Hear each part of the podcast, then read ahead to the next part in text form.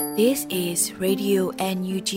the voice of National Unity Government of Myanmar, broadcasting for Myanmar's Spring Revolution. Radio NUG is transmitting from shortwave 16 meter 17.79 megahertz at 8:30 a.m. and 25 meter 11.94 megahertz at 8:30 p.m. Myanmar Standard Time. မင်္ဂလာပါရှင်အမျိုးသားညီညွတ်ရေးအစိုးရရဲ့အတန်လွတ်ဌာနရေဒီယို NUG ကိုမန္တပိုင်း၈နိုင်ခွဲမှာလိုင်းတူ6မီတာ19.7ခွန်ကုန်းမဂါဟတ်စ်နဲ့ညပိုင်း၈နိုင်ခွဲမှာလိုင်းတူ25မီတာ17.6ကိုလီမဂါဟတ်စ်တို့မှာဓာတ်ရိုက်ဖမ်းယူနားဆင်နိုင်ပါပြီရှင်မင်္ဂလာအပေါင်းနဲ့ကြည့်ကြကြပါစို့အခုချိန်ကစပြီး Radio NUG စီစဉ်လေးကိုဓာတ်ရိုက်အတန်နဲ့ပေးနေပါပြီ မင်္ဂလာညချမ်းပါခင်ဗျာတော်လံပြည်သူပြည်သားအားလုံးဘေးကင်းကြမ်းပါရှိကြပါစေ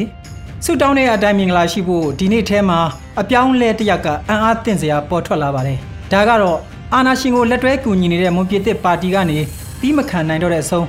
တော်လန်ယုံကန်ဖို့စစ်အာဏာရှင်တော်လန်ရေးမွန်ပြည်သစ်ပါတီရဲ့လို့ပေါ်ထွက်လာတဲ့အကြောင်းပါပဲ တိုင်းသားအားလုံးကိုပိုင်လွတ်လပ်တန်းတူညီမျှတဲ့ဘဝတွေပိုင်ဆိုင်နိုင်ကြပါစေလို့လည်းရေဒီယိုအန်ယူဂျီကဆန္ဒပြုပြရစီခင်ဗျာတော်တာရှင်များခင်ဗျာဒီကနေ့အတွက်ဖေဖော်ဝါရီလ14ရက်နေ့ညပိုင်းအတန်လွင့်စီစဉ်များကိုစတင်ပါတော့မယ်။ဦးဆုံးအနေနဲ့စစ်ရေးတရင်ကောက်နှုတ်ချက်တွေကိုနားဆင်ရမှာပါ။ရန်နိုင်ကတင်ပြထားပါတယ်ခင်ဗျာ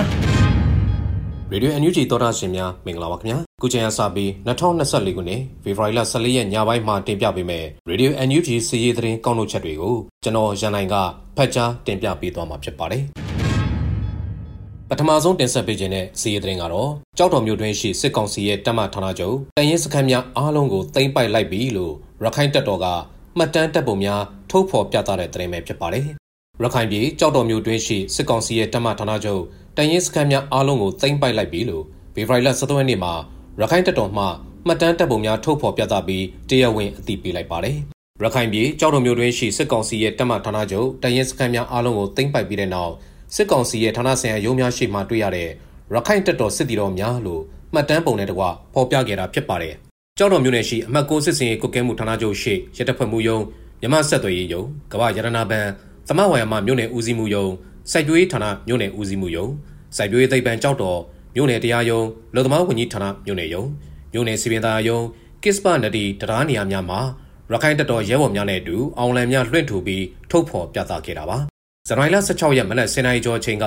ကြောက်တော်မြို့နယ်ကန်ဆောက်အခြေဆိုင်ခမရ939တပ်ရင်ကိုရခိုင်တပ်တော် AA ကတိုက်ခိုက်သိမ်းပိုက်ခဲ့တာဖြစ်ပြီးစစ်ကောင်စီတပ်သားအင်အား300ခန့်ဟာလက်နက်အပြည့်စုံနဲ့လက်နက်ချအညံ့ခံခဲ့တဲ့အတွက်ဖေဖော်ဝါရီလအတွင်းမှာမြို့တစ်ခုလုံးကိုထိန်းချုပ်နိုင်ခဲ့တာဖြစ်ပါတယ်ခင်ဗျာ အခုဆက်လက်ပြီးရခိုင်တပ်တော်ကစစ်သမောတစင်းကိုထပ်မံသိမ်းပိုက်လိုက်ပြီး6ရက်အတွင်းစစ်ရေးရင်9စင်းဖျက်ဆီးနိုင်ခဲ့တယ်ဆိုတဲ့စီးရီးသတင်းကိုလည်းတင်ဆက်ပေးကြပါမယ်တိုက်ပွဲတွေပြင်းထန်နေတဲ့ရခိုင်ဒေသမှာရခိုင်တပ်တော် AA ကစစ်သမောတစင်းကိုထပ်မံတိုက်ခိုက်သိမ်းပိုက်နိုင်ခဲ့တာကြောင့်6ရက်တွင်စစ်ကောင်စီရင်းရင်9စင်းကိုဖျက်ဆီးနိုင်ခဲ့တယ်လို့ညီနောင်မဟာမိတ်၃ဘွဲကအတိပေးထုတ်ပြန်ပါတယ်။ဖေဖော်ဝါရီလ17ရက်နေ့ကဖြစ်ခဲ့တဲ့ရေကြောင်းတိုက်ပွဲသတင်းထုတ်ပြန်ရမှာအဲ့ဒီလိုအတိပေးထုတ်ပြန်လိုက်တာဖြစ်ပါတယ်။မင်းများမျိုးနဲ့တပ်ပုံးရွာနီးရေကြောင်းတိုက်ပွဲတွင် စစ်ကောင်စီရဲ့စစ်သမောတစင်းကိုထပ်မံတိုက်ခတ်သိမ်းပိုက်နိုင်ခဲ့တယ်လို့ရခိုင်တပ်တော်ကလည်းတပ်ပုံမှတ်တမ်းနဲ့တကွထုတ်ပြန်ထားပါသေးတယ်။ဖေဖော်ဝါရီလ12ရက်နေ့ကလည်းမင်းပြားမျိုးနဲ့ပလဲပေါက်ကျေးရွာနီးရေကြောင်းတိုက်ပွဲမှာမြေကြောင်းတစ်လျှောက်ကကြေးရွာတွေကိုလက်နက်ကြီးတွေနဲ့နှစ်ရှည်လာများပစ်ခတ်ဒုက္ခပေးနေတဲ့စစ်ကောင်စီစစ်သမောတစင်းကိုရခိုင်တပ်တော်ကတိုက်ခိုက်ဖျက်ဆီးနိုင်ခဲ့တယ်လို့သိရှိရပါတယ်။ဖေဖော်ဝါရီလ9ရက်နဲ့10ရက်နေ့တွေမှာလည်းကြောက်တော်မြို့နယ်အပေါ့ဝကျေးရွာနီးရေချောင်းတိုက်ပွဲမှာစစ်ကောင်စီစစ်သင်္ဘော2ဆင့်နဲ့ဇက်သင်္ဘောတစ်စင်းကို ရခိုင်တပ်တော်ကအပြက်အသက်ချိန်မုံတိုက်ခိုက်ခဲ့တာကြောင့်အဆိုပါသင်္ဘော3စင်းစလုံးမီးလောင်ပျက်စီးကရေထဲနှမြုပ်အောင်ပြုလုပ်နိုင်ခဲ့တဲ့ပြင်လက်နက်ခဲယအချို့ကိုလည်းတင်းစီရမိခဲ့တယ်လို့အသိပေးထားပါတယ်။ဒါကြောင့်ဖေဖော်ဝါရီလ9ရက်ကနေ13ရက်အထိ6ရက်တာရေကြောင်းတိုက်ပွဲများတွင်စစ်ကောင်စီစစ်သမော3စင်းနဲ့ဇက်သမော2စင်းကိုရခိုင်တပ်တော်ကတိုက်ခိုက်ချိန်မုံနိုင်ခဲ့တယ်လို့အခြားစစ်သမော၄စင်းကိုလည်းရေချလို့မရနိုင်တဲ့အထိပျက်စီးသွားအောင်တိုက်ခိုက်ဖျက်ဆီးနိုင်ခဲ့တယ်လို့ညီနောင်မဟာမိတ်၃ဘွဲကထုတ်ပြန်ထားပါတယ်ခင်ဗျာ အခုတခါဟောမလင်းမြို့ရှိစစ်တပ်ကစစ်ကူနဲ့လက်နက်ခဲယမ်းများပေးပို့တဲ့လက်နက်ပို့ရင်ကိုကာကွယ်ရေးတပ်များကြားပြတ်တိုက်ခိုက်ပြီးသိမ်းပိုက်လိုက်တယ်ဆိုတဲ့စီးရဲသတင်းကိုလည်းတင်ဆက်ပေးပါမယ်အဲ့ဒီစီးရဲသတင်းကိုအမျိုးသားညီညွတ်ရေးဆိုရကာကွယ်ဝန်ကြီးဌာနလက်အောက်ခံပြည်သူ့ကာကွယ်ရေးတပ်မတော် PDF စစ်ရုံးချုပ်ကဖေဖော်ဝါရီလ14ရက်မှာအတည်ပြုဖော်ပြပါတယ်တမှုမြို့နယ်အောင်စရစစ်စခန်းကစုတ်ခွာလာတဲ့အကြမ်းဖက်စစ်တပ်အမှတ်89ချီလင်တန်ရင်မှတပ်ဖွဲ့များထံကိုဟုံးမလင်းမြို့ရှိစစ်တပ်ကစစ်ကူနဲ့လက်နက်ခဲယမ်းများပေးပို့တဲ့လက်နက်ပို့ရင်ကို အမှတ်1စစ်ဒေသပြည်သူ့ကာကွယ်ရေးတပ်မတော်တန်ရင်တပ်ဖွဲ့တွေက2024ခုနှစ်ဖေဖော်ဝါရီလ17ရက်နေ့မှာကြားပြတ်တိုက်ခိုက်သိမ်းပိုက်နိုင်ခဲ့တယ်လို့ဆိုပါတယ်။တိုက်ခိုက်မှုအတွင်းကာကွယ်ရေးဘက်မှထိခိုက်ဆုံးရှုံးမှုမရှိဘဲရန်သူထံမှအလောင်းလေးလောင်းပစ္စတို2လက်စစ်တပ်နဲ့3လက်လက်နက်ငယ်9လက် RPG ဘုံးသီး12လုံး 7.62G 4900တောင်း 5.56G 11900တောင်းကာဘိုင်ကြီးအတောင့်980သုံးမျိုးကြီးအတောင့်190တို့ကိုသိမ်းဆည်းရရှိခဲ့တယ်လို့သတင်းရရှိပါတယ်ခင်ဗျာ ခုဆက်လက်ပြီးစစ်ကောင်စီတပ်နဲ့ရဲများထွက်ပြေးစဉ်စွန့်ပစ်ထားခဲ့တဲ့လက်နက်များတွေ့ရှိပါကတပတ်အတွင်းအမြန်အနံ့ရန် AA3 ပေးထုတ်ပြန်လိုက်တဲ့ဆိုတဲ့သတင်းကိုလည်းတင်ဆက်ပေးပါမယ်စစ်ကောင်စီတပ်ဖွဲ့ဝင်တွေထွက်ပြေးချိန်မှာလက်နက်ခဲယမ်းတွေကိုစွန့်ပစ်ခြင်းဖွက်ထားခြင်းများပြုလုပ်ခဲ့တဲ့အတွက်အဆိုပါလက်နက်ခဲယမ်းတွေကိုတွေ့ရှိခဲ့ရင်တပတ်အတွင်းအမြန်ဆုံးလာရောက်အနှံကြဖို့ရခိုင်တပ်တော် AA ကဖေဖော်ဝါရီလ23ရက်မှာအထူးသတိပေးချက်တစ်စောင်ထုတ်ပြန်ကြေညာလိုက်ပါတယ်။ AA အနေနဲ့ရခိုင်ဒေသနဲ့ပလောဝဒေသတွင်းကအကြမ်းဖက်စစ်ကောင်စီရဲ့ viewer စကန်ကြီးများ တန်ရင်ဌာနချုပ်တပ်မဌာနချုပ်နေကြားဆောင်တပ်စခန်းများရဲတရင်များနဲ့ရဲစခန်းများကိုတခုမှမကြမ်းအောင်တိုက်ခိုက်ချိန်မုံသွားဖို့ရည်မှန်းထားတဲ့အတိုင်း2023ခုနှစ်နိုဝင်ဘာလ23ရက်ကစပြီးစစ်ကောင်စီရဲ့စစ်ဘက်ရဲဘက်စခန်းတွေကိုတခုပြီးတခုတိုက်ခိုက်သိမ်းပိုက်ရရှိထားကလက်ကျန်စခန်းတွေကိုလည်းဆက်လက်ထိုးစစ်ဆင်တိုက်ခိုက်သွားမယ်လို့ဆိုပါတယ်စစ်ရှုံးစစ်ကောင်စီစစ်သားများရဲတပ်သားများဟာ၎င်းတို့ရဲ့စခန်းတွေကိုစွန့်ခွာပြီးအိန္ဒိယချင်းနိုင်ငံများဖြစ်တဲ့အိန္ဒိယနဲ့ဘင်္ဂလားဒေ့ရှ်နိုင်ငံများဘက်ကိုထွက်ပြေးခဲ့ကြသလို ရေချောင်းတိုက်ပွဲများမှာလည်းစစ်သည်မောဇက်သည်မောများပေါ်ကအသက်လူထွက်ပြေးနေကြရသလိုရရွာများတွင်မှာလည်းအရက်ဝတ်တွေဝတ်ပြီးနီလန်အမျိုးမျိုးနဲ့ထွက်ပြေးနေကြတယ်လို့အသိပေးထားပါတယ်။အဲဒီလိုထွက်ပြေးရမှာ၎င်းတို့အနေနဲ့လက်နက်ခဲယမ်းတွေကိုဖျက်ဆီးထားခဲ့တယ်လို့ထွက်ပြေးချိန်မှာလည်းတကူစားယူဆောင်သွားခဲ့ကြတဲ့လက်နက်ခဲယမ်းတွေကိုတောတောင်ချောင်းမြောင်ရှုံမြောင်တို့မှလွှင့်ပစ်ခဲ့တာမြေကြီးထဲမြုပ်နှံထားခဲ့ကြတာကိုဖမ်းဆီးရမိထားတဲ့တုံ့ပန်းတွေရဲ့ဖော်ထုတ်ချက်အရရှာဖွေရရှိခဲ့တာတွေ့ရှိခဲ့တယ်လို့လည်းထုတ်ပြန်ထားပါတယ်။ အေးတပ်ဖွဲ့ဝင်တွေမရောက်နိုင်သေးတဲ့နေရာတွေရှာဖွေလို့မတွေ့တာတွေကြောင့်လက်နက်ခဲယမ်းတွေရှိနေနိုင်သေးတဲ့အတွက်အဲ့ဒီစွန့်ပစ်ထားတဲ့လက်နက်ခဲယမ်းတွေတွေ့ရှိခဲ့ရင်နီးစပ်ရာရခိုင်တပ်တော်စခန်းတွေနဲ့အရခပြည်သူ့စိုးရအုပ်ချုပ်ရေးမှုနေမြေမှုများထံမှအနှံ့နိုင်တယ်လို့ဆိုပါတယ်။လာရောက်အနှံ့တဲ့လက်နက်ခဲယမ်းအဆိုးကောင်းပေါ်မူတည်ပြီးထိုက်တဲ့စုငွေချက်ချင်းချိမြင့်ပေးမယ်လို့လည်းထုတ်ပြန်ချက်မှာဖော်ပြထားပါတယ်။ဒါ့အပြင် AA ထိန်းချုပ်ရာနေမြေကသာမန်ရသားပြည်သူတွေကိုလက်နက်ခဲယမ်းကင်ဆောင်ခြင်းရောင်းဝယ်ခြင်းတွေလုံးဝခွင့်ပြုမှာမဟုတ်ဘူးလို့လည်း သတိပေးထားပါသေးတယ်။ဒါကြောင့်လက်နက်ကင်ဆောင်ထားသူတွေအနေနဲ့ဖေဖော်ဝါရီလ20ရက်နေ့ည7:00နာရီနောက်ဆုံးထားအနှံကြဖို့နဲ့တတ်မှတ်ထားတဲ့ရက်တွင်လာရောက်အနှံခြင်းမရှိဘဲဖုံးဝှက်ထားတာကိုစစ်ဆေးတွေ့ရှိခဲ့ရင်ပြင်းပြင်းထန်ထန်ပြက်ပြက်သားသားအရေးယူမှာဖြစ်တယ်လို့ရခိုင်တပ်တော် AA ကသတိပေးထုတ်ပြန်ထားပါတယ်ခင်ဗျာအခုတခါရေဦးမြို့ကထွက်လာတဲ့စစ်အုပ်စုအားတပင်းမြို့အဝယ်မှာ drone နဲ့တိုက်ခိုက်ခဲ့တဲ့ဆိုတဲ့စီးရဲတဲ့ရင်ကိုလည်းတင်ဆက်ပေးကြပါမယ် ဖေဖော်ဝါရီလ23ရက်နေ့မွန်းတဲ့12နာရီချိန်မှာတပင်းမြို့ကိုဝင်ရောက်လာတဲ့အင်အား80ခန့်ရှိတဲ့စစ်အုပ်စုကိုတပင်းမြို့အဝင်စစ်ဆေးဂိတ်အရောက်မှာတိုက်ခိုက်ခဲ့တယ်လို့ရွှေဘိုခန်အမှတ်14တပ်ရင်းရေဦး PDF ကအတည်ပြုပါတယ်ဖေဖော်ဝါရီလ23ရက်နေ့မှာတပင်းမြို့ကိုဝင်ရောက်လာတဲ့အင်အား80ခန့်ရှိတဲ့စစ်အုပ်စုကိုတပင်းမြို့အဝင်စစ်ဆေးဂိတ်အရောက်မှာဘုံသီးတစ်လုံးစင်းစစ်ရုံအနီးရောက်ရှိနေစဉ်ဘုံသီးနှလုံးချပြီးမိမိတို့ရွှေဘိုခရိုင်အမှတ်14တပ်ရင်းရေဦး PDF မှ drone များနဲ့စောင့်ကြိုတိုက်ခိုက်ခဲ့တယ်လို့ဆိုပါတယ် တိုက်ခိုက်မှုမှာစစ်အုပ်စုရှိရာနေရာကိုဘုံသီးများကြောက်ရောက်ပောက်ကွဲခဲ့ပြီးအထူးကအကြဆုံးအခြေအနေကိုဆက်လက်စုံစမ်းနေဆဲဖြစ်တယ်လို့သိရပါတယ်ခင်ဗျာအခုဆက်လက်ပြီးမြိုင်မြို့နယ်သံမြာချန်ရွာနောက်ပြားမှာကာကင်းယူထားတဲ့စကားစတွေကိုတိုက်ခိုက်ခဲ့တဲ့ဆိုတဲ့သတင်းကိုလည်းတင်ဆက်ပေးပါောင်းမယ်။မြိုင်မြို့နယ်သံမြာချန်ရွာနောက်ပြားမှာကာကင်းယူထားတဲ့စကားစတွေကိုတိုက်ခိုက်ခဲ့ရမှာစကားစတက်က2ဦးသေဆုံးပြီးအများအပြားထိခိုက်ဒဏ်ရာရရှိသွားခဲ့တယ်လို့သတင်းရရှိပါတယ်။မြိုင်ပကဖတပ်ဖွဲ့ဟာခရန်တန်ရဲတပ်ဖွဲ့များနဲ့ပူးပေါင်းပြီး ဖေဖော်ဝါရီလ23ရက်12:35မိနစ်ချိန်မှာကန်ဒီကိုရိတ်ကာပို့လာတဲ့စကားဆစစ်ကြောင်းနဲ့ထိတွေ့မှုမိနစ်30နီးပါးဖြစ်ပွားခဲ့တယ်လို့အတည်ပြုပါတယ်။ ဖြစ်စဉ်မှာမြိုင်ညွန့်နယ်တမယာချန်ရွာနောက်ပြားမှာကာကင်းယူထားတဲ့စကားဆများအားတိုက်ခိုက်ခဲ့ရာစကားဆတက်က2ဦးသေဆုံးပြီးအများအပြားထိခိုက်ဒဏ်ရာရရှိသွားက RPG အဖူ2ခု RPG ပိုရန်1ခု equipment 2ခု pistol ထက်8တခု MAG ပေါက်1ခု MAG 66တောက်တရှိတစ်ချောင်းစစ်သုံးကြောပေါ်၏3လုံးစစ်သုံးမိုးကအင်ကြီး2ထည်တို့ကိုတင်စီရမိခဲ့ပါတယ်ထိတွေ့မှုအတွင်းမိမိတို့တပ်ဖွဲ့ဝင်တူကြီးရှက်မှန်ပြီးမစိုးရင်ရတဲ့ဒဏ်ရာရခဲ့တယ်လို့သိရပါတယ်။ တိုက်ခိုက်မှုတွေကိုမြိုင်ပခပတရင်တက်စုတက်စိတ်များနဲ့ပကုတ်ကူခရိုင်တရင်2 6ခွန်7ခွန်တို့ကအတူတကွပူးပေါင်းလှုပ်ဆောင်ခဲ့ကြတာဖြစ်ပါတယ်ခင်ဗျာ။အခုတခါ ABSDF အမှတ်2စစ်ကြောင်းမှာအခြေခံစစ်ပညာအပတ်စဉ်6တနန်းစင်ပွဲကျင်းပတယ်ဆိုတဲ့သတင်းကိုတင်ဆက်ပေးပါမယ်မြန်မာနိုင်ငံလုံးဆိုင်ရာចောင်းသားများဒီမိုကရက်တစ်တပ်ဦးចောင်းသားတပ်မတော်အမှတ်2စစ်ကြောင်းမှာအမတ်စဉ်3မြင်းဆောင်2023အပတ်စဉ်6ခြေခံစစ်ပညာတင်နန်းစင်ပွဲကိုဖေဖော်ဝါရီလ17ရက်နေ့ကကျင်းပခဲ့တယ်လို့သိရပါတယ်။ အဲဒီတင်နန်းစင်ပွဲမှာအဆိုတော်ကိုလင်းလင်းနဲ့မတ်ချစ်သူဝေတို့ကပေးပို့တဲ့နိုင်ငံတကာရုပ်ရှင်စုများရရှိထားတဲ့ The Way ရုပ်ရှင်ဇာတ်ကားကိုပါပြသခဲ့တယ်လို့သတင်းရရှိပါတယ်။မြန်မာနိုင်ငံလုံးဆိုင်ရာចောင်းသားများဒီမိုကရက်တစ်တပ်ဦးចောင်းသားတပ်မတော်ဟာစစ်အာဏာရှင်ပြုတ်ကျရေးအတွက်လက်နက်ကိုင်ခုခံတွန်းလှန်လျက်ရှိနေပါတယ်ခင်ဗျာ။အခုနောက်ဆုံးတင်ဆက်ပေးခြင်းတဲ့စီရေးသတင်းကတော့အာနာသိန်းစစ်တပ်ကိုတိုက်ခိုက်သွားမှာဖြစ်ကြောင်းမွန်ပြည်သစ်ပါတီနိုင်ငံရေးစီရေးဦးဆောင်ဖွဲ့တရားဝင်ကြေညာလိုက်တဲ့သတင်းပဲဖြစ်ပါတယ်။ စစ်ကောင်စီနဲ့နိုင်ငံရေးအရဆက်လက်တွဲဆုံဆွေးနွေးဖြေရှားဖို့ဆိုတာမဖြစ်နိုင်တော့တဲ့အတွက်အာနာသိန်းစစ်တပ်ကိုတိုက်ခိုက်သွားမှာဖြစ်တယ်လို့မွန်ပြည်သစ်ပါတီစစ်အာဏာရှင်တိုက်ဖြတ်ရေးအဖွဲ့ဖြစ်တဲ့နိုင်ငံရေးစီရေးဦးဆောင်ဖွဲ့ကဖေဖော်ဝါရီလ14ရက်မှာတရားဝင်ထုတ်ပြန်ကြေညာလိုက်ပါတယ်။မွန်ပြည်သစ်ပါတီအနေနဲ့ NCA စာချုပ်သဘောတူညီချက်များအရနိုင်ငံရေးပြဿနာများကိုနိုင်ငံရေးအရာဖြေရှာနိုင်ဖို့နီလန်ပေါင်းစုံနဲ့ဒီဇိုင်းမတ်မတ်ကြိုးပမ်းအားထုတ်ခဲ့ပြီးအာနာသိန်းစစ်ကောင်စီနဲ့၃ချိန်တိုင်တိုင်တွေ့ဆုံဆွေးနွေးခဲ့ပေမဲ့ မိမိတို့မျှော်မှန်းထားခဲ့တဲ့ရလဒ်တွေမရခဲ့ဘူးလို့ဆိုပါတယ်။အာနာသိန်းစစ်တပ်ဟာလက်နက်အားကိုးပြီးပြည်သူလူထုပေါ်လူမဆန်စွာဖမ်းဆီးနှင်းဆဲအကျဉ်းချတပ်ဖြတ်မှုတွေနေ့စဉ်ကျุလို့နေတာကိုဝန်ပြည်နယ်မှာလည်းကြုံတွေ့နေရတယ်လို့အသိပေးထားပါတယ်။အထူးသဖြင့်ကြိုက်ထိုတထုံဘီလင်းကြိုင်မရောတန်ပြူစရက်နဲ့ရေးမြုံနယ်တို့မှာအကြမ်းဖက်ဖမ်းဆီးတပ်ဖြတ်မှုများလက်နက်ကြီးပစ်ခတ်မှုများလေကြောင်းတိုက်ခိုက်မှုများနေအိမ်မီးရှို့မှုများပုံမဖြစ်လို့လာတဲ့အတွက်အကြမ်းဖက်စစ်ကောင်စီနဲ့ နိုင်ငံရေးအရာဆက်လက်တွဲဆုံဆွေးနွေးဖြေရှာဖို့မဖြစ်နိုင်တော့ဘူးလို့နိုင်ငံရေးစည်ရေးဦးဆောင်ဖွဲ့မွန်ပြည်သစ်ပါတီကပြောပါတယ်။မိမိတို့လိုလားတဲ့မျိုးသားတန်းတူရေးကိုပိုင်ပြတ်ထန်းခွင့်အပြည့်အဝရှိတဲ့ Federal ပြည်ထောင်စုပေါ်ထွန်းရေးအတွက်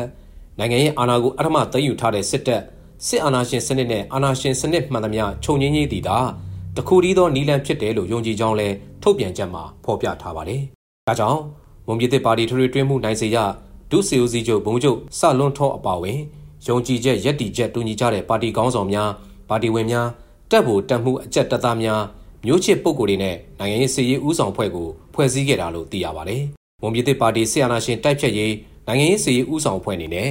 အာဏာသိမ်းစစ်တပ်ရဲ့အကြမ်းဖက်မှုကိုကာကွယ်ရန်ဒိုင်းသားလူမျိုးများလိုလားတောင်းတနေတဲ့အမျိုးသားတန်းတူရေးနဲ့ကိုယ်ပိုင်ပြဋ္ဌာန်းပိုင်ခွင့်အပြည့်အဝရှိတဲ့ Federal ပြည်ထောင်စုတည်ဆောက်ရန်စစ်ကောင်စီကိုဆန့်ကျင်တိုက်ပွဲဝင်နေကြတဲ့တိုင်းရင်းသားဒေါ်လာရေးဖွဲ့စည်းများ ຫນွေဦးဒေါ်လာရေးအင်အားစုများနဲ့ပူးပေါင်းလက်တွဲပြီးအာဏာသိမ်းစစ်တပ်ကိုတိုက်ခိုက်သွားမှာဖြစ်တယ်လို့ထုတ်ပြန်ကြေညာထားပါတယ်။မွန်ပြည်သစ်ပါတီဟာမြန်မာနိုင်ငံရေးပြဿနာကိုနိုင်ငံရေးနည်းလမ်းဖြင့်ဖြေရှင်းတဲ့ရည်ရွယ်ချက်နဲ့1995ခုနှစ်ကစပြီးနိုင်ငံတော်ညီဝတ်ပြည်ပြမှုတိဆောက်ရေးအဖွဲ့နဝတနိုင်ငံတော်အေဂျင့်တာရေးနဲ့ဖွံ့ဖြိုးရေးကောင်စီနာဖာဦးသိန်းစိန်ဆိုရလက်ထက်မှာအပြစ်ခတ်ရဲစဲရေးသဘောတူညီချက်များရယူခဲ့ပြီး NLD အစိုးရလက်ထက်မှာတနိုင်ငံလုံးပြစ်ခတ်တိုက်ခတ်မှုရဲစဲရေးသဘောတူညီချက် NCA စာချုပ်မှာလက်မှတ်ရေးထိုးခဲ့တဲ့ ဒိုင်းရင်သားလက်နက်ကိုင်အဖွဲ့တစ်ခုဖြစ်ပါတယ်ခင်ဗျာအခုတင်ပြခဲ့တဲ့စီးရေးသတင်းတွေကို Radio NUG သတင်းတောက်မင်းစီဟန်နဲ့ကိုခန့်တို့ကပေးပို့ထားတာပဲဖြစ်ပါတယ်ခင်ဗျာစစ်ရေးသတင်းကောက်နှုတ်ချက်တွေကိုနားဆင်ကြရတာပါခင်ဗျာအခုဆက်လက်ပြီးပြည်တွင်းသတင်းများကိုတော့ຫນွေဦးမုံကဆက်လက်တင်ပြပါဦးမယ်ခင်ဗျာ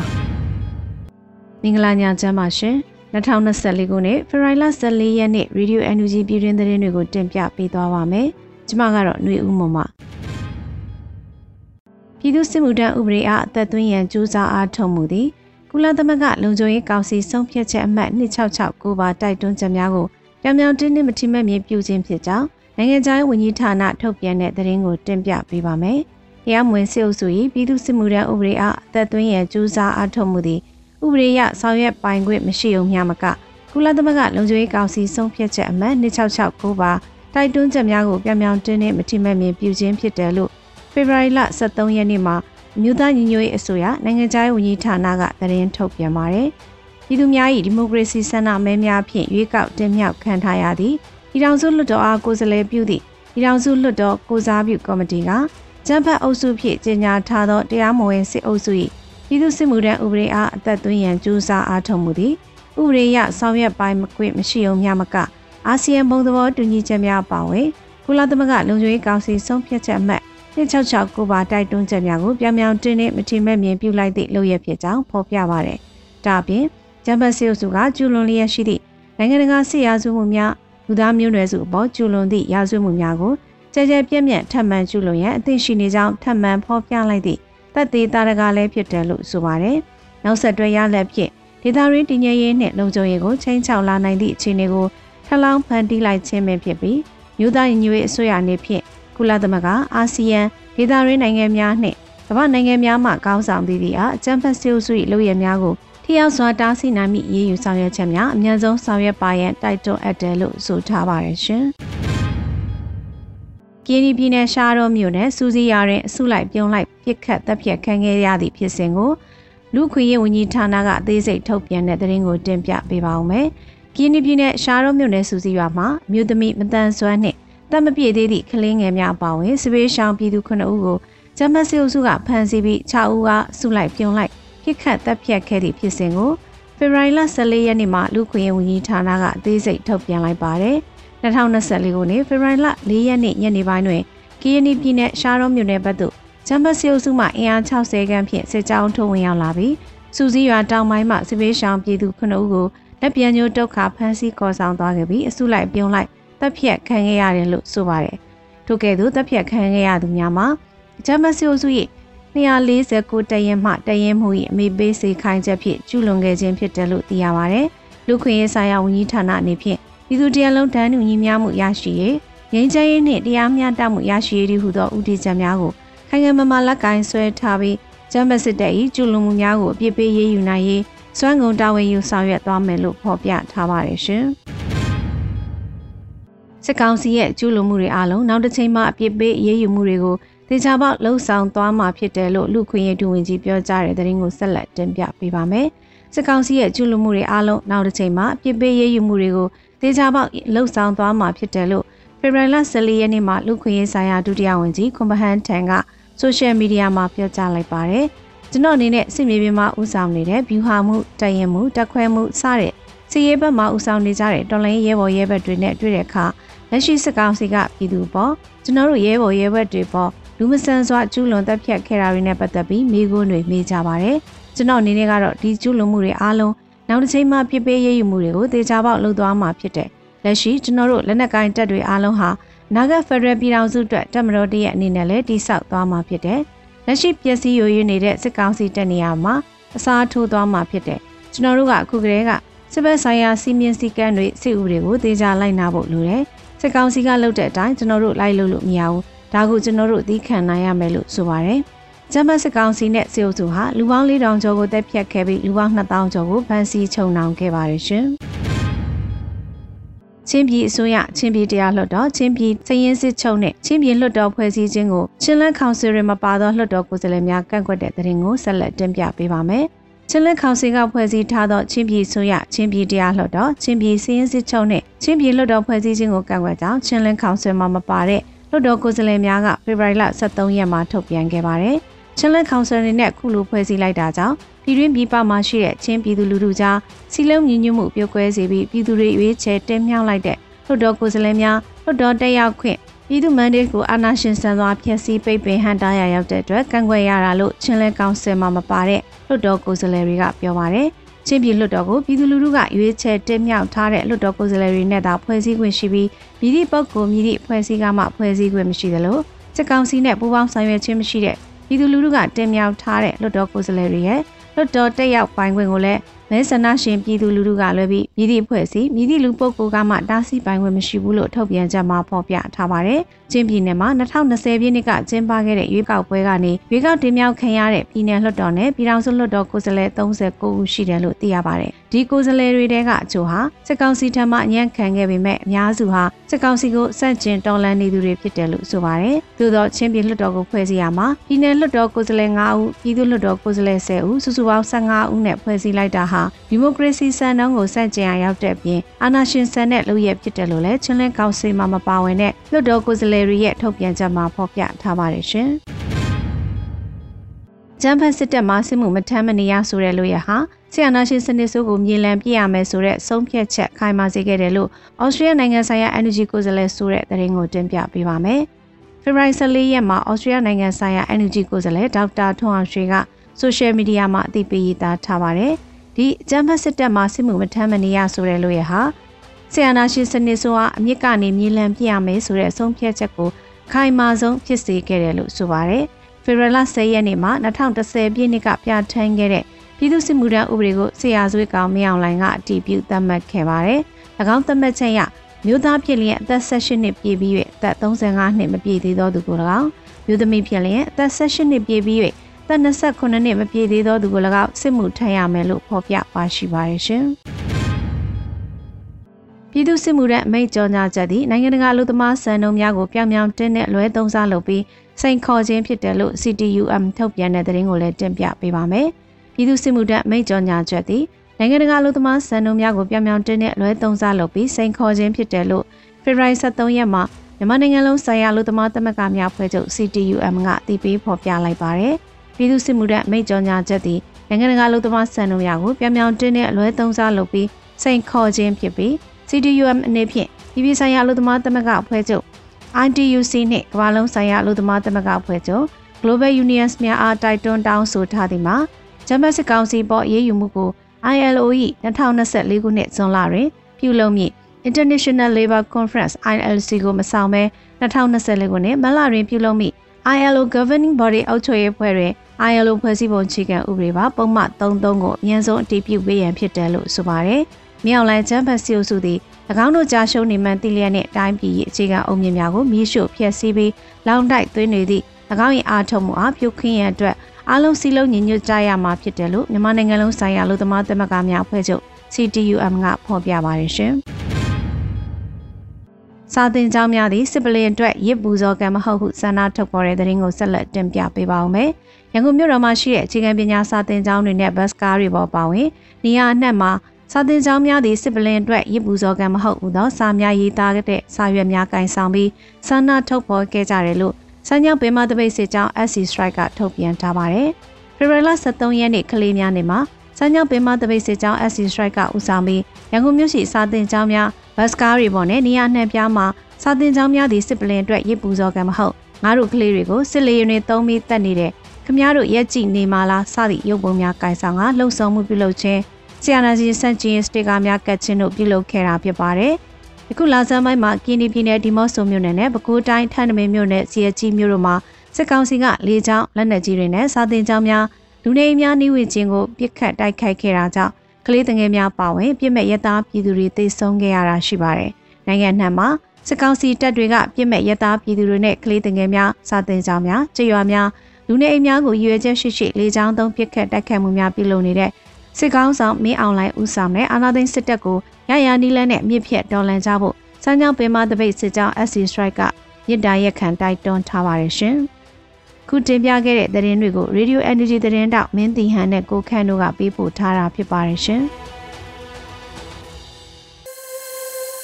Radio UNG ရဲ့ဖေဖော်ဝါရီလ14ရက်နေ့ညပိုင်းအတန်လွှင့်စီစဉ်များကိုနားဆင်နေကြတာဖြစ်ပါတယ်။အခုတခါလှည့်ကြတဲ့အစီအစဉ်ကတော့သတင်းနဲ့အတူလူထုစကားသံအစီအစဉ်ဖြစ်ပါတယ်။ ဗိုလ်ချုပ်မွေးနေ့မှာရန်ကုန်မြို့ကဗိုလ်ချုပ်ပြတိုက်ကိုဖွင့်လှစ်ထားပြီးလူငယ်ချို့လာရောက်ဂါရဝပြုခဲ့ကြတယ်ဆိုတဲ့ခေါင်းစဉ်နဲ့လူမှုစကားသံကိုလွတ်လပ်ຫນွေဦးကတင်ပြမှာဖြစ်ပါတယ်ခင်ဗျာမင်္ဂလာပါရေဒီယိုအန်ယူဂျီသောတာရှင်များခင်ဗျာအခုနားဆင်ရမယ့်စီစဉ်ကတော့တည်င်းတဲ့တူလူမှုစကားသံစီစဉ်ဖြစ်ပါတယ်မနေ့ကဗိုလ်ချုပ်မွေးနေ့မှာရန်ကုန်မြို့ကဗိုလ်ချုပ်ပြတိုက်ကိုဖွင့်လှစ်ထားပြီးလူငယ်ချို့လာရောက်ဂါရဝပြုခဲ့ကြပါတယ်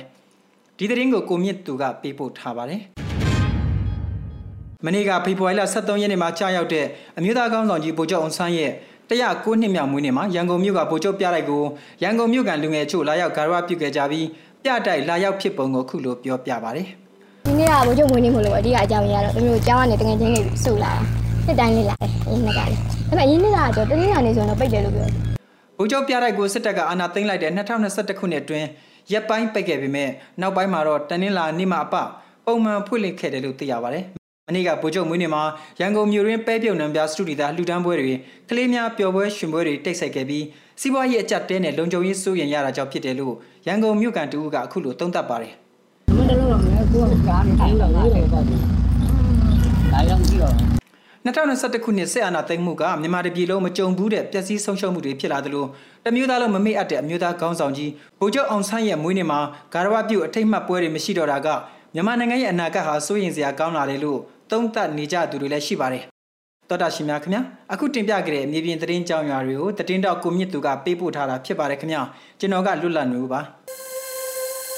ရေဒီယိုအန်ယူဂျီမှာဆက်လက်တန်လှည့်လျက်ရှိနေပါတယ်ဒီကနေ့အတွက်နောက်ဆုံးစီစဉ်နေတဲ့တိုင်းသားဘာသာထုတ်လွှင့်မှုစီစဉ်မှာအရှိပိုးကရင်ဘာသာနဲ့အပတ်စဉ်သတင်းများကိုတော့ຫນွေဦးတတာကတင်ပြပါတော့မယ်ခင်ဗျာ။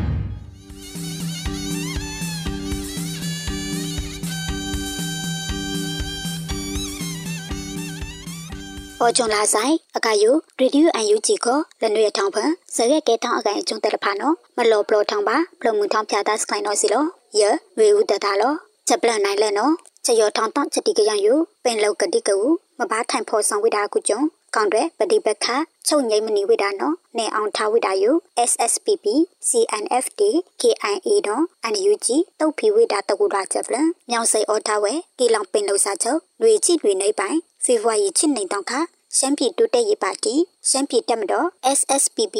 SSA ချင်းအမျိုးသားတပ်ဦး CNF ကချင်လူလက်ရေးတက်မတော် KIA နော်အခါယုတုတ်ဖီဝိတာတကူတာနော်စီလောကမ္လုတ်တဲ့ကွာကနောင်းလောင်ပါဆန်ဝေချရထောင်းတောင်းချတိကရအခါပတာအာနာဩစာစနစ်ဒီတာအာနာဩစာစနစ်လောက်ချက်နော် မချစ်မဝိတာယမဘာမချအကောင့်ထဲပေါ်ပြက်ကွဲဝိတာအကူကျွန်းကီလောင်ထားပင်လောက်စာချုပ်ဒီပင်လောက်ကတိကဝပင်လောက်ချက်တဘောတုထအနိုင်ယမဘာထိုင်ဖို့ဆောင်ထိုင်ဝိတာနော်နေပုံရိုင်ချက်ကဲထောင်ဝေခေါန်တွေပတိပခပေချုပ်ငိမ့်မနေသူမျော်လင့်ထားဝိတာနော်တဝိတာတဝရဖပါဝိတာစီလောကီလောင်ပင်လောက်စာချုပ်ချက်မနိုင်ချက်တော့ချက်ကလေးဦးလချောင်းချက်ပါဒုံထားလဖပုံတိတ်လို့တာကုန်စတိတ်ချအဝေဖက်ဒရယ်ခံပကုတ်ဖာတူလက်အပလက် မဘာမဘူမဆန်ကိုပြမောချက်ချူချက်ပါမနေတူခလိုလောင်ဝိဒါစန်တနော်လောဝိဒါစီလောချက်ပလန်နိုင်နေမာလာကပတော်ဝေချောင်းတိုင်လောင်တိုင်လူတော်အမတိုင်ကူဝိဒါကိုခေါင်ပယောင်အကိုင်ချောကုံပုတ်လခဝန်တူဒေါ်စင်မအောင်ဒီကုလတန်အမကြီးဦးကြုံမှုတုံနော်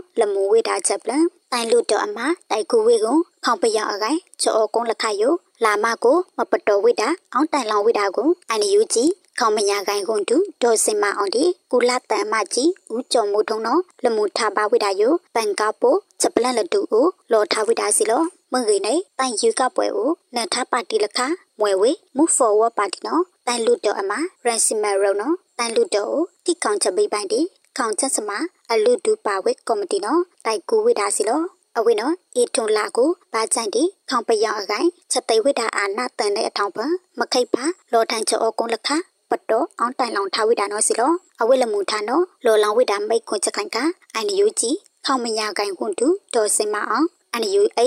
ကုလတအမကြီးဦးကျော်မိုးထွန်းပါဝိဒါနော်တတိန်ထောက်တဲ့ကီထားပါဝိဒါစီလောပြီးနော်စုပုဖုံဆုံဖုံအကုတ်လဲကုစလဲလကဒေါ်အောင်ဆောင်စုကြည်ချက်ထောင်ဦးချက်ထောင်ပါချက်ပြီးကုတ်ပြီးရစန်တန်နေနော်ဒီချောကုန်းဖတ်ကိုမပါဝိဒါနော်လော်ထားဝိဒါစီလောတိတ်တိတ်ချာချာလက်တရတိုင်ပါနော်စီလော စပလန်နိုင်တဲ့ဖုံထောင်းတိတ်နာမနောင်းလောင်ပါတာချက်တာခမလုတ်တဲ့အကောင်ဒီဒေါ်နာစီချောင်းဒီချက်အဲချက်ကွီအောင်ကားဝိဒါနော်လော်ဝိဒါချက်ပလန်မဖုံထောင်းတိတ်နာမနောင်းလောင်ဝိဒါချက်တာခမလုတ်အကောင်ဒေါ်နာစီချောင်းနော်ဒီချက်အဲချက်ကွီအောင်ကားပါဝိဒါယုဖေဖော်ဝါရီချစ်နေတောင်ခါဒေါ်နာစီချောင်းဖီတီယာလော်ထားဝိဒါစီလောချက်တိကရအကိုင်မပုံတိတ်ဒီဒေါ်နာစီချောင်းကိုပင်မနီထောင်းချက်ဖုံပလီအကောင်မဖုံထောင်းတိတ်နာမနောင်းလောင်ပါတာချက်တာခမလုတ်တဲ့အကောင်နော် ဒေါနာစီချံအောင်ကဘာဝိဒါနော်လောဝိဒါစီလောဒေါနာစီချံယကိုဝိဒါတာရှောက်ထားမနေလကြုံအကောင်အရာကြည့်ခုနေပိုင်မနေအကောင်တိုင်းကြောချောကလိုက်မပါကြီးထားဟမနေပြည်သူကာကွယ်ရေးတမတော်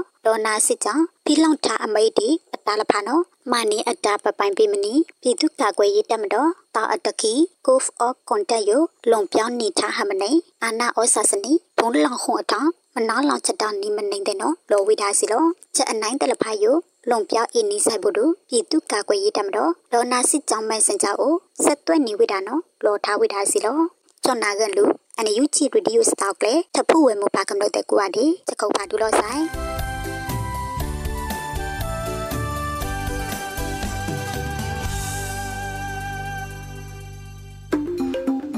ဒီကနေ့ကတော့ဒီညနေပဲ Radio NUG ရဲ့အစီအစဉ်လေးကိုခေတ္တရ延လိုက်ပါမယ်ရှင်မြန်မာစံတော်ချိန်မနေ့၈နိုင်ခွဲနဲ့ည၈နိုင်ခွဲအချိန်တွေမှာပြောင်းလဲဆိုပြကြပါလို့ရှင် Radio NUG ကိုမနေ့ပိုင်း၈နိုင်ခွဲမှာလိုင်းတူ16မီတာ19.7ခုခုမဂါဟတ်နဲ့ညပိုင်း၈နိုင်ခွဲမှာလိုင်းတူ25မီတာ17.6မဂါဟတ်တို့မှာဓာတ်ရိုက်ဖမ်းယူ နားဆင်နိုင်ပါပြီရှင်။မြန်မာနိုင်ငံသူနိုင်ငံသားများကိုစိတ်နှဖျားစမ်းမချမ်းသာလို့ဘေးကင်းလုံခြုံကြပါစေလို့ Radio NUG ရဲ့ဖွဲ့သူဖွဲ့သားများကဆုတောင်းလိုက်ရပါတယ်။ San Francisco Bay Area အခြေဆိုင်မြန်မာမိသားစုများနိုင်ငံတကာကစေတနာရှင်များလို့အားပေးကြတဲ့ Radio NUG ဖြစ်ပါတယ်ရှင်။အရေးတော်ပုံအောင်ရမည်